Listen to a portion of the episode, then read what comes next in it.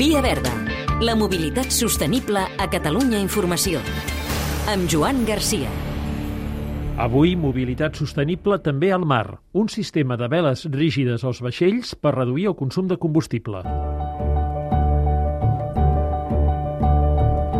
Ara fa 15 anys, un grup d'enginyers aeronàutics van imaginar una vela amb prou empenta per reduir el consum de combustible i les emissions del transport marítim. Esperança Lledó Pasqual treballa a l'àrea de negoci de Bound for Blue, empresa que ofereix sistemes de propulsió autònoms assistits per vent. La tecnologia de vela rígida de Bound for Blue és un sistema plegable, orientable i autònom. I es tracta d'una vela que mm, s'apareix més a sala d'un avió que una vela convencional. La vela rígida s'integra a vaixells mercants com a propulsió complementària, ja que mm, el que fa és que utilitza la força del vent, que és una energia renovable i sense cap tipus de cost, i així reduir la potència del motor i, per tant, també redueix el consum de combustible i les emissions contaminants fins a un 30%. Un primer pas perquè sigui el mateix vaixell el que generi energia. Que en el final la pròpia embarcació pugui anar generant aquesta energia a través de, de hidrogen mitjançant un, un procés d'electròlisi i després, a més, complementar amb eh, l'eficiència del vent amb les veles rígides. I una resposta al repte global que ha d'afrontar el transport de mercaderies per mar. El transport marítim transporta més del 90% de la càrrega mundial i té una flota d'uns 90.000 vaixells.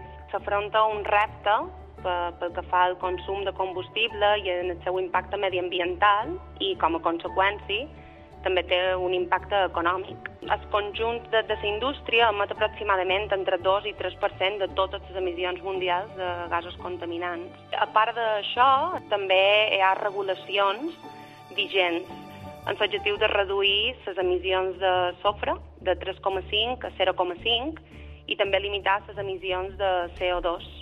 15 persones treballen a Bound for Blue, que té seus a Rubí i a Cantàbria. N'ha obert una altra a Singapur per al mercat asiàtic i ara té ja a punt els dos primers projectes. De fet, la primera integració s'ha de realitzar el mes que ve a Panamà, a un vaixell de pesca, i és un vaixell de 37 metres d'eslora i aquesta primera vela serà una vela de 12 metres d'altura. Tenim un segon projecte, que és l'integració d'una vela a un vaixell de 60 metres d'eslora, que és propietat de la companyia teatral de Fura dels Baus, i amb aquest projecte se commemorarà el cinquè centenari de la primera volta al món de Magallanes i Elcano, per tant és un projecte molt, molt emocionant.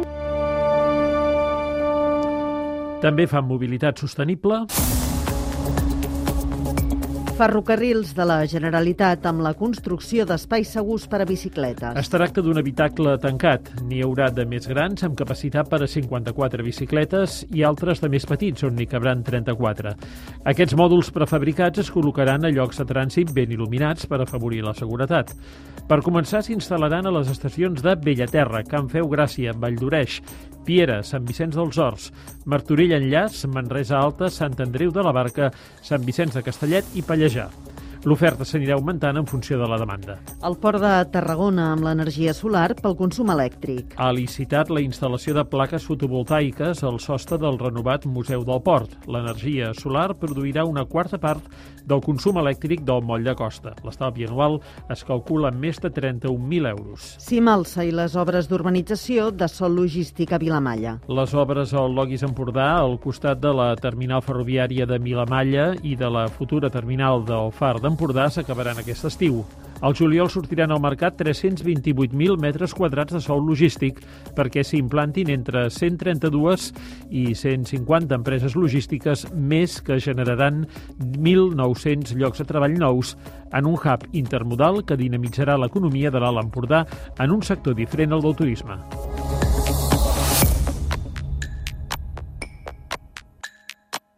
Hem de tendir a accelerar l'electrificació de vehicles, tant públics com privats, i incrementar la xarxa de recàrrega i els incentius fiscals per a la compra d'un vehicle elèctric. Via Verda, disponible al podcast i a catradio.cat.